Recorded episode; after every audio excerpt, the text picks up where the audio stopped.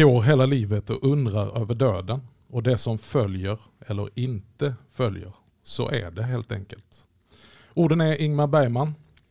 Kommer från Ingmar Bergman och eh, sammanfattar väl lite grann hans karriär, hans skrivande och hans filmskapande som berör döden på olika sätt och vis från den första till den sista filmen. Om detta ska vi tala i dagens Reformera-podd och med mig i studion så har jag som vanligt Johan Eriksson, kommunikationschef i EFS och chefredaktör för Budbäraren. Men vi har också den stora glädjen att äntligen få ha vår inhouse theological doctor Thomas Nygren, lektor i systematisk teologi här på Johannelund. Välkommen Thomas. Tack. Vi brukar faktiskt eh, jämföra våra teologer med karaktärer ur Star Wars och då är Thomas Nygren vår Obi-Wan Kenobi. Det här är ju spännande, jag håller ju med. Vem är Yoda? Det är Lars-Olof Eriksson, Loe. Får jag lov att vara Luke Skywalker? Oj, den är redan upptagen. Jaha, så att jag får liksom vara hon prinsessan. Prinsessan Leia, precis. Ja, men eh, det är ändå bättre för att det är du som är Darth Vader.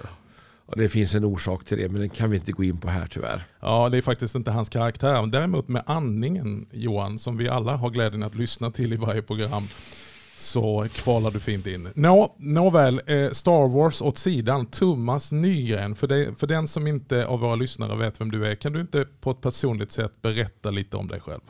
Ja, eh, hur berättar man om sig själv opersonligt? Börjar jag fundera på här. Bra Eh, poäng. Men, eh, jag är född uppe i Norrbotten, uppvuxen i Skellefteå. Eh, trodde jag skulle bli kemist. Studierna spårade ur till teologi. Jag har jobbat som ungdomspastor här i Uppsala och sen, lärare, sedan blev jag lärare på Johannelund sedan många år tillbaka. Då. Och det är systematisk teologi jag håller på med. Det är alltså troslära och etik framför allt. Vad gör Thomas Nygren när han inte är begravd i böckerna eller undervisar? Vad gör du för att koppla av på fritiden? Eh, Jag springer, jag spelar schack, jag ser på tv. Där ser man, inte bara frumma sysslor. Jägare är du också. Ja, precis. En vecka per år har jag ett återfall. Älgjakt. Det är en Älgjakten. helig vecka. Och på tal om älgjakt så kommer vi in på döden. Dagens tema. Ja, men det finns mycket bortom graven. Det är ju det. Man kan ju tänka att det blir en morbid stämning så här i en studio. Under de rådande omständigheterna också att tala om döden. Men eh, om vi lyckas med det här programmet så tror jag att det också kommer att bli väldigt tröstefullt. Och eh, det finns hopp bortom graven.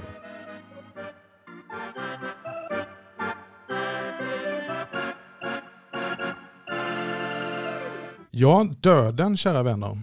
Vi eh, sänder det här programmet på skärtorsdagen och långfredagen. Vi befinner oss i en situation, världsomspännande läge med coronaviruset som gör att den här tanken på dödlighet som ofta är gömd bakom kulisserna träder fram. Hur börjar man ett samtal om podd om döden? Johan, vad tänker du? Att döden är svår, att vi faktiskt gör allt för att undvika den. Eh, både rent praktiskt såklart, eh, självklart, men också som samtalsämne. Och ja, vi, vårt samhälle har svårt att hantera döden. Vi har mycket rationaliserat bort den och- och förenklat den. Mm. Och som vi var inne på i ett annat samtal så lever vi ju i en städad tillvaro om man får lov att säga så som kanske har blivit lite för klinisk. Vi möter inte döden i hemmet och ser mormor eller farmor eller farfar ligga och dö. Utan eh, döden flimrar förbi som någonting väldigt fjärran på nyheterna eller konstgjort i filmerna. Men väldigt få av oss tänker egentligen på vår dödlighet. Det tilltar med åldern vill jag säga. Jag, jag har upplevt att när jag var 20 så var jag väldigt odödlig. Nu vid 54 så är jag synnerligen dödlig.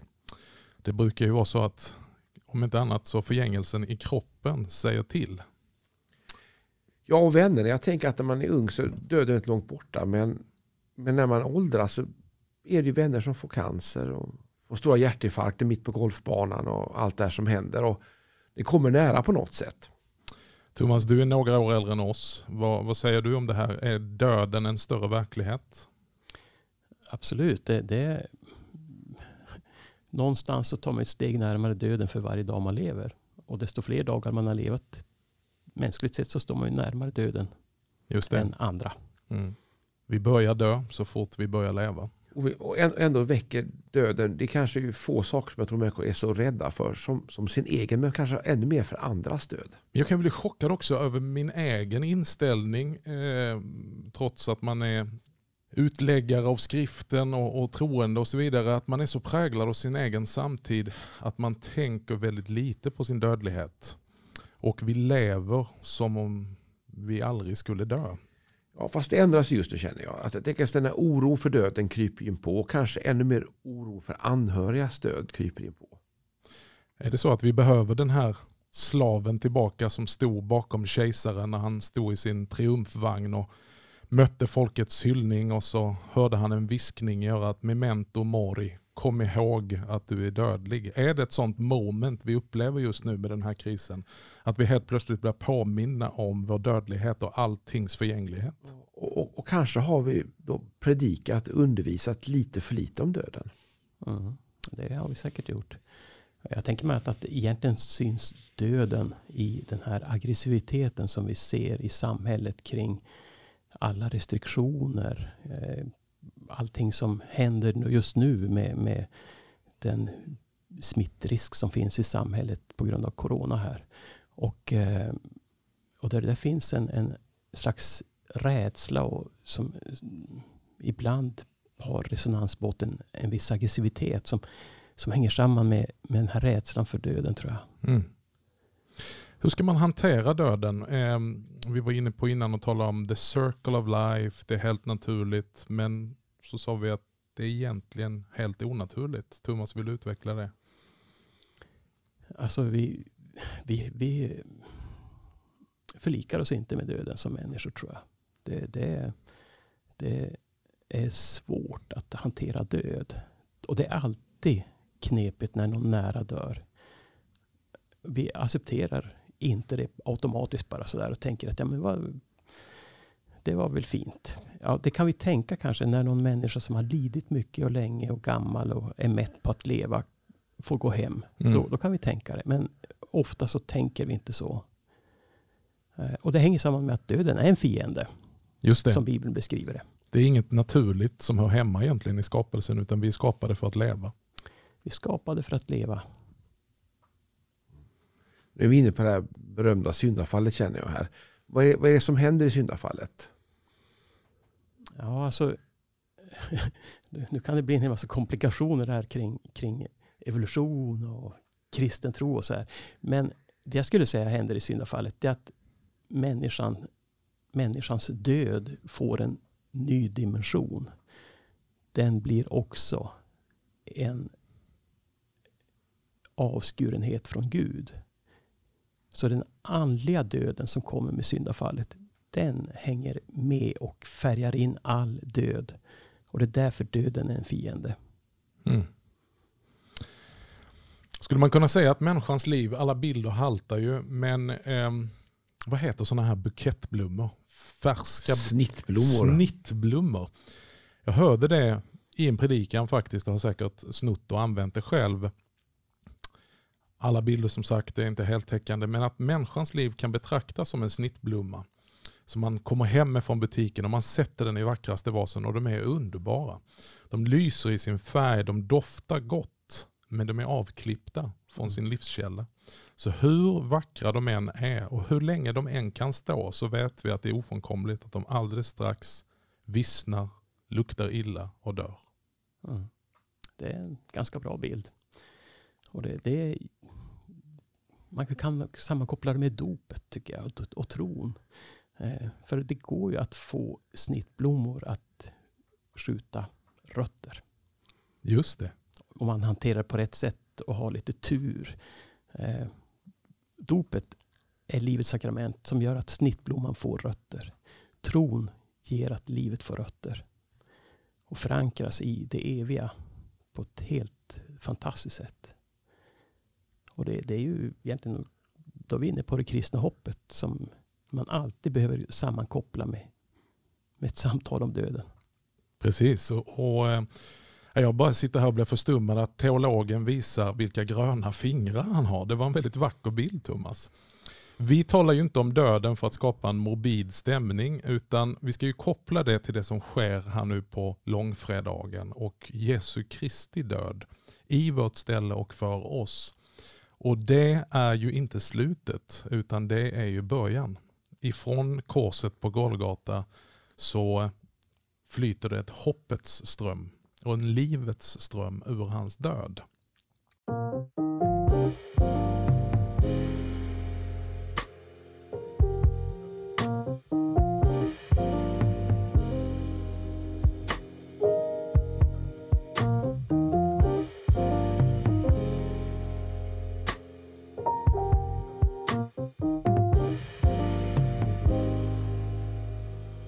Hur talar man då hopp i en sån här situation och i ett tillstånd som känns som att det är en, det är en lång långfredag som har lagt sig över hela jorden? Hur talar man hopp och tröst inför den reella faran som helt plötsligt drabbar och slår blint i ett samhälle som inte är vana vid det? Hur talar man hopp så att det inte blir glättigt och ytligt? Att det bara blir peptalk? Ja, det, det hänger samman med berättelserna. De kristna berättelserna som måste berättas. Som inte är ytliga och inte är glättiga. Kristna berättelsen handlar om hur Gud stiger ner, går in i allt mänskligt i Jesus Kristus, lider, dör Mm. och allt ser förlorat ut, men uppstår. Det är ju påskens budskap. Och den berättelsen är ju den som också våra små berättelser, livsberättelser måste foga, få fogas in i. Därför att har vi bara våra egna små berättelser, då är vi hopplösa. Där finns inget hopp. Där finns ingen framtid. Vi har ingen makt över liv och död. Vi kan inte skapa framtid på det sättet. Men det kan Gud. Och den maktlösheten, den gör sig ju väldigt tydlig nu i hela vårt samhälle. Hur lite kontroll vi har Mm. över massa olika samhällsfunktioner som vi är vana vid, välfärden som vi har byggt upp, men absolut framförallt inför just det faktumet att döden frågar inte om lov. Mm. Jag tänker när vi pratar om den kristna berättelsen. Det är mycket mer än berättelse, det är, det är en verklighet. Men vad är det som händer när Kristus dör på korset och nedstiger till dödsriket? Det är Guds övergivenheten. Alltså det sist, bland det sista Jesus ropar är Min Gud, min Gud, varför har du övergivit mig? Där smakar Kristus, Jesus, döden, den här andliga döden i dess bottenlöshet. Och därför finns det liv för oss. Det, det är egentligen, eh, han går i vårt ställe. Mm. Jag tänker att det finns så mycket relevans också i de här orden för en helt vanlig människa. Något av det vi fruktar mest av allt är den här fullständiga övergivenheten. Att bli lämnade helt och hållet ensamma och tappa greppet om livet och hela tillvaron. Och då tänker jag att då finns det mitt i detta en sån tröst och trygghet i Jesu absolut sista ord på korset. Där han avslutar detta med att säga Fader, i dina händer överlämnar jag min ande. Jag, jag tänker det finns mycket spekulationer. Det står att han gick ner i dödsriket och tog fångar. Jag har funderat mycket på det. Ja. Nu har vi en teolog här så måste jag få ställa den helt oförberett ställa den frågan. Vad hände egentligen? Ja, alltså exakt vad som hände, det, det, det, är ju, det är inte så lätt att säga. Vi kan ju inte säga mer än vad bibelordet säger. Och, men, men det vi kan säga mycket om, det, det, det är konsekvenserna av det. Som är, som är otroligt relevanta. Och det här med att, att Jesus tar fångar, det, det har ju att göra med hans seger. Som uppståndelsen bekräftar. Och det, det, det är egentligen eh, man skulle kunna säga att, att det är en, en djup grund för, för all trygghet man som kristen kan ha. Mm. Eh, som gör att man, man, man kan vara rädd, men man behöver inte vara så rädd att man tappar kontrollen. Nej, och det man framförallt kan säga det är att Jesus stjäler dödens udd. Döden är fortfarande närvarande men dess udd är bruten. Mm. Så eh, dödens så att säga reella krafter att för evigt skilja oss från Gud. Eh, den, den, det, här finns en möjlighet, här öppnas en väg genom döden, genom Kristi Jesus seger. Alltså han är ju den triumferande segraren som vinner på korsets dårskap, alltså på ett väldigt annorlunda sätt. Genom att själv bli förnedrad, genom att själv se ut att förlora och möta döden så sväljer döden ett byte som de inte kan behålla, nämligen Guds enfödde son, rättfärdig och ren och helig av evigt liv. Och därför så är ju triumfen sen, som vi inte ska nu gå före i, men att döden inte kan behålla honom i sin makt. För det står också att han har tagit nycklarna till dödsriket. Och då tänker jag också ett, ett hoppperspektiv här när man möter människor som har just rädsla och ångest för döden.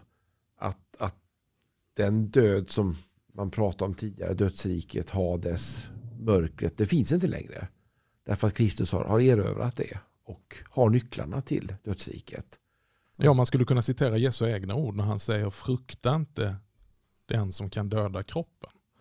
Utan frukta istället honom som kan sända dig till Hades eller till eh, Ordet på, H, ordet på H som vi inte ska nämna i podden. Då, nej. Nej, men precis. Och just det här med, med, att Jesus lider och dör. Det gör någonting med, med krist, hur kristna tron behöver framställas också. Det innebär att kristen tro har verkligen något att säga till den människa som lider, är rädd och eh, är i svårigheter. Därför att Kristus har delat allt. Eh, jag tänker på, på ett citat ifrån Jürgen Moltmann. Som satt i, i fångläger under andra världskriget. Eh, och han, han blev sen en, en mycket stor och duktig teolog. Hoppets teolog.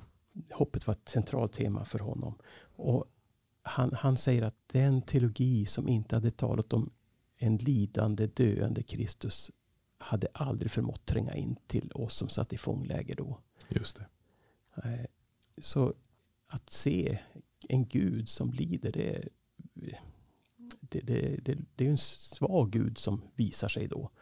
Men Gud i sin svaghet är den starke som ger oss liv. Mm.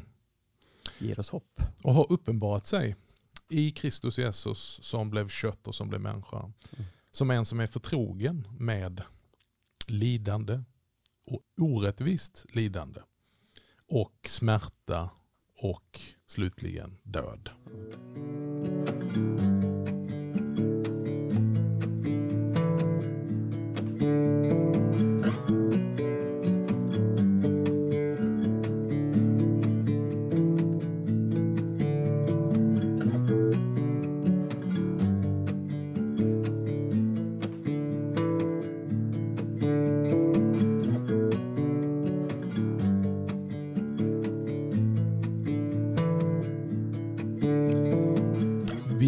Ska fortsätta på eh, samtalet om döden och jag tänker på ett citat. Jag fick möjligheten att sitta med en präst för en växande församling och eh, så ställer jag frågan, vad behöver kyrkan tala om? Vad behöver kyrkan göra? Det var ju inte nu i coronatider utan det var för, för, för flera, ett år sedan ungefär. Och så sa jag, och jag hade ju många olika förväntningar. Jag tänkte att han kommer säga det här eller han kommer säga det här. Men då säger han, kyrkan behöver tala mer om döden. Det är kyrkans uppgift och min uppgift, sa han som präst, att påminna människor om och förbereda dem inför döden. Och han gjorde en väldigt fin anknytning eftersom vi har två ledord för den här podden. Det är helkyrklighet, att vad kan vi ösa ur de rika skattkammarna i hela kyrkans arv och det reformatoriska. Så gjorde han den kopplingen så att reformat reformationens vagga den är inte 1517 utan den är långt tidigare när Luther i vadå? Jo, i dödsångest och fruktan för döden gör en helomvändning i sitt liv och söker sig till klostret för att bli munk att på något sätt försöka rättfärdiga sig själv. Ja, alltså döden är en, en ofrånkomlig resonansbotten i, i våra liv. Och jag tror att den här prästen du talade med har helt rätt. Därför att det är min egen erfarenhet när jag jobbade som ungdomspastor här i EFS i Uppsala.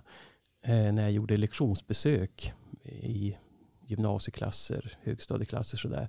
Att när jag kom in på att tala om döden, då blev det knäpptyst. Och alla lyssnade till 110 procent på vad jag hade att säga. Mm. Alltså, vi behöver våga benämna döden i våra egna liv, i andra människors liv också och tala om hoppet. Det är då hoppet blir som allra tydligast. Döden begriper alla. Mm. Jag tänker att det är intressant när man talar om, jag tänker på mina tre barn. Alla våra så här liksom både mysiga men allvarliga samtal när de var riktigt små kom alltid in på döden. Barn har av naturen frågor om döden. Och sen kommer en lång sträcka där vi är så att säga mitt i livet, där vi gärna inte talar så mycket om döden. Och så möter vi gamla människor. Och så kommer det här samtalet om döden tillbaka. Mm. Ja, Johan, du sitter och tittar lite grann och tycker att de här två teologerna de har helt spårat in på dödsriket. nej, för jag tänker att kopplat till döden så är då, vi pratar om hoppet och det är ju uppståndelsehoppet. Mm. Det är ju, någonstans är då döden inte slutet. Och den har mist sin udd och Kristus har dödsrikets nycklar och så finns det en uppståndelse morgon här Mm. som hägrar. Och jag tänker att vi kanske pratar i ett kommande avsnitt om vilka får vara med. Mm. För att citera Luther igen, som har sagt mycket klokt och som själv har brottats med sin anfäktelse och sin dödsångest och sin ångest inför synden och var kan jag finna nåd i Gud. Han har sagt om evangelium då som är det glada budskapet som är goda nyheter. Att det förskräckta samvetet är ständigt ovisst och tvivlande. Men i evangelium finner vi dessa saliggörande och tröstefulla ord. Denna förkunnelse skänker samvetena en säker tröst. Därför må alla fromma själar inte låta sig rubbas från denna övertygelse, att vi blott genom tron för Kristi skull mottar syndernas förlåtelse. I detta har vi en fast och viss tröst mot syndaångesten, den eviga döden och helvetets alla portar. Det är goda nyheter. Härligt citat. Amen. Thomas, vi ska låta dig få säga någonting till avslutning här. Det är inte lätt att få en syl i världen med två så pratglada människor som mig, Johan. Men Thomas, om du skulle avsluta att säga några ord om döden, men framförallt om hoppet och om livet. Alltså jag- jag har i dessa dagar kommit att tänka väldigt mycket på första Petrus brev. Och i första kapitlet där talas det om ett levande hopp. Och det är jättespännande att se på vad som står där. Där talas det om ett levande hopp. Det betyder att hoppet är någonting som lever. Det är inte en princip utan det är en person. Och hoppet är någonting som är närvarande hela tiden. Och samtidigt så talas det om hur svårigheterna är närvarande hela tiden. Och läser man de här verserna så kan man se att det finns en slags spännande samband där mellan hoppet och svårigheterna. Eh, det där hoppet funkar ungefär som en termostat. Desto Mm. värre kyla, hemskheter, desto kraftfullare slår hoppet till för att det är ett levande hopp. Och det här är, tänker jag, någonting som vi har att leva i, i ständigt och inte minst i dessa tider. Alltså, tänka på långfredags och eh, påskdagens budskap som en livstermostat som Mm slår till allra kraftfullast när det behövs som mest. Och det är någonting att vila i. Amen. Tack ska du ha för att du har varit med och lyssnat till oss i Reformera-podden. Vi är tillbaka igen om en vecka. Reformera-podden görs i samarbete med tidningen Budbäraren och EFS, en missionsrörelse inom Svenska kyrkan. Du kan hitta mer information, texter och bloggar på vår hemsida reformera.net och du hittas också på sociala medier, Twitter, Facebook och Instagram när du söker på re kolon formera eller re understreck formera.